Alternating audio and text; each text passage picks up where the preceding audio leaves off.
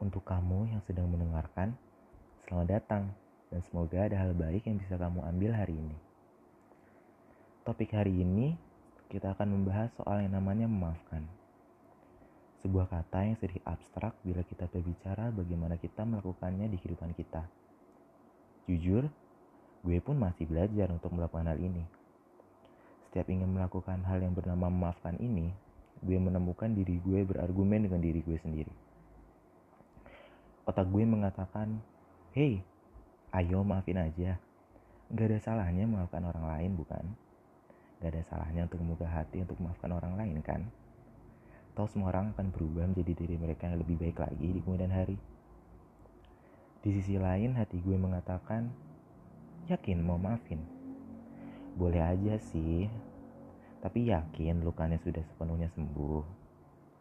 Yakin kalau psikis kamu sudah siap menerima kalau kamu akan berlaku biasa aja dengan dia. Dan, dan apakah kamu yakin kalau kehidupan kamu akan berubah menjadi lebih baik setelah kamu memaafkan dia? Padahal luka yang dia kasih itu cukup dalam loh. Gue yakin di sini semua yang menyempatkan mendengarkan suara ini pernah ada di posisi ini. Dan gue pun juga pernah ada di posisi ini gue pernah ada di posisi di mana gue nggak mau yang namanya dengan mudah memaafkan orang lain. Gue pernah ada di posisi di mana gue merasa kalau luka yang dikasih orang itu terlalu dalam untuk gue untuk gue obatin.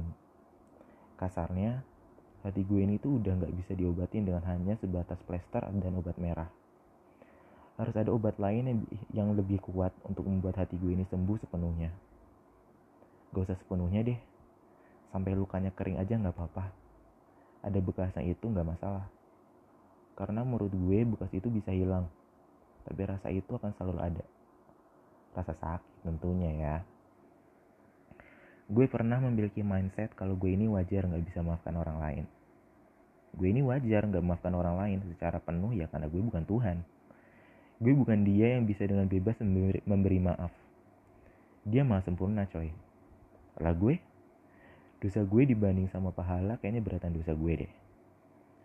Di situ gue ngerasa kalau apa yang gue lakuin udah benar dan sewajarnya sebagai seorang manusia. Makhluk yang gak seper yang gak sempurna penuh kesalahan dan tentunya terlalu bodoh untuk dibenarkan. Sampai gue menemukan satu video hasil gue melakukan brainstorming secara mandiri. Video ini tentang seorang pedagang yang gak suka dengan sosok Buddha Gautama. Tahu kan Siddhartha Gautama Pedagang ini gak suka sama dia. Suatu hari, pedagang ini datang ke tempat di mana Buddha sedang melakukan pengajaran. Lagi kuliah beb ceritanya. Pedagang ini datang dengan penuh emosi dan amarah dan memarahi Buddha dengan cacian dan kata-kata kotor yang sepatutnya nggak dikatakan untuk orang sesuci Buddha. Kalian tahu apa yang dilakukan Buddha? Dia cuma tersenyum, gak bergeming sedikit pun. Padahal murid-muridnya udah siap untuk menyerang pedagang itu. Pedagang itu pun bingung. Tiba-tiba hatinya merasa los. Kayak amarahnya tiba-tiba hilang semua. Menguap ke langit. Dan akhirnya dia pergi dari tempat itu. Dan tentunya dengan rasa bingung. Beberapa hari setiap pedagang itu mau tidur setelah kejadian itu, dia nggak tenang. Sampai akhirnya dia kembali ke tempat Buddha itu dan meminta maaf. Di saat pedagang itu menanyakan apakah dirinya dimaafkan, Buddha malah bertanya balik. Kenapa kamu minta maaf? Pedagang itu pun bingung. Dia pun menjelaskan kalau dia beberapa hari lalu datang dengan penuh emosi dan mencari Buddha. Buddha cuma tersenyum lagi dan berkata, Aku tidak melihat alasan untuk memaafkanmu karena kamu tidak memiliki kesalahan. Kamu yang datang hari ini dengan diri yang sudah berbeda dengan diri kamu yang sebelumnya.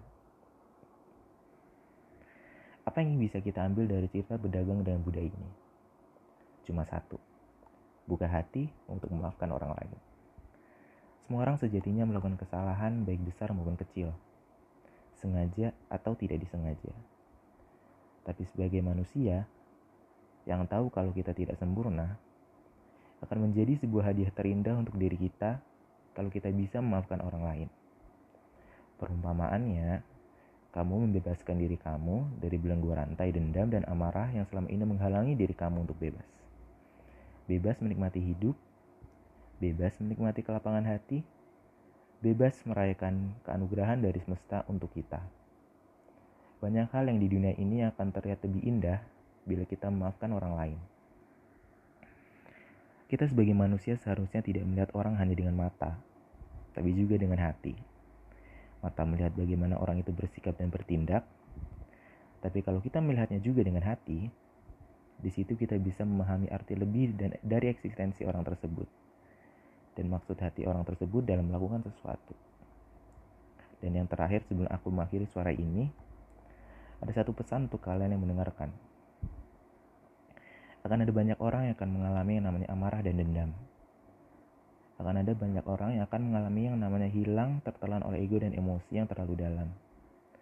Sampai orang-orang itu datang untuk minta maaf kepada kamu, mulailah mencoba untuk memaafkan mereka. Mereka itu sedang hilang. Mereka berada di suatu tempat yang tidak kamu bisa bayangkan betapa gelapnya tempat itu. Di saat mereka sudah kembali, jangan lihat mereka dari diri mereka yang dulu saat kamu disakiti ya. Lihat diri mereka yang kini dengan penuh hati, dengan sepenuh hati meminta maaf kepada kalian. Karena diri mereka yang sekarang sudah bukan diri mereka yang dulu lagi. I'm Abim and I'm checking out. See ya.